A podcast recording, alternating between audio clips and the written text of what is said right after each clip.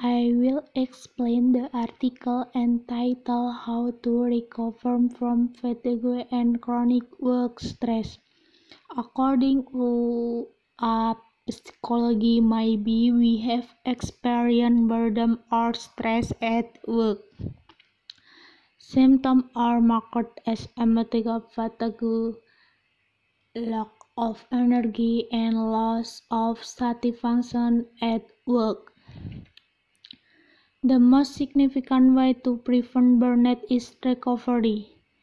Burnout is consequence of chronic work stress over a period of time.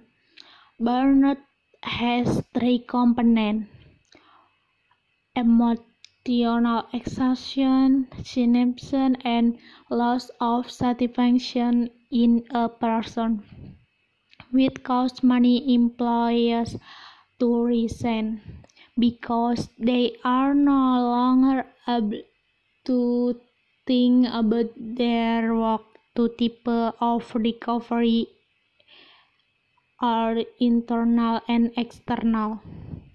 Internal recovery is letting go yourself from stress by using time during work to reduce our body stress response, such as short break and breathing exercise.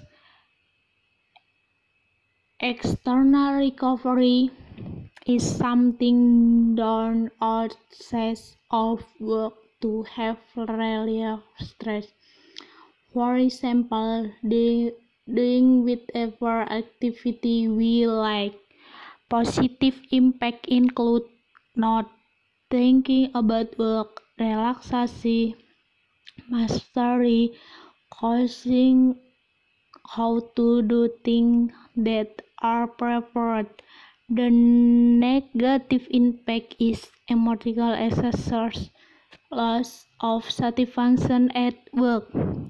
In my opinion, recovery is important to avoid stress at work.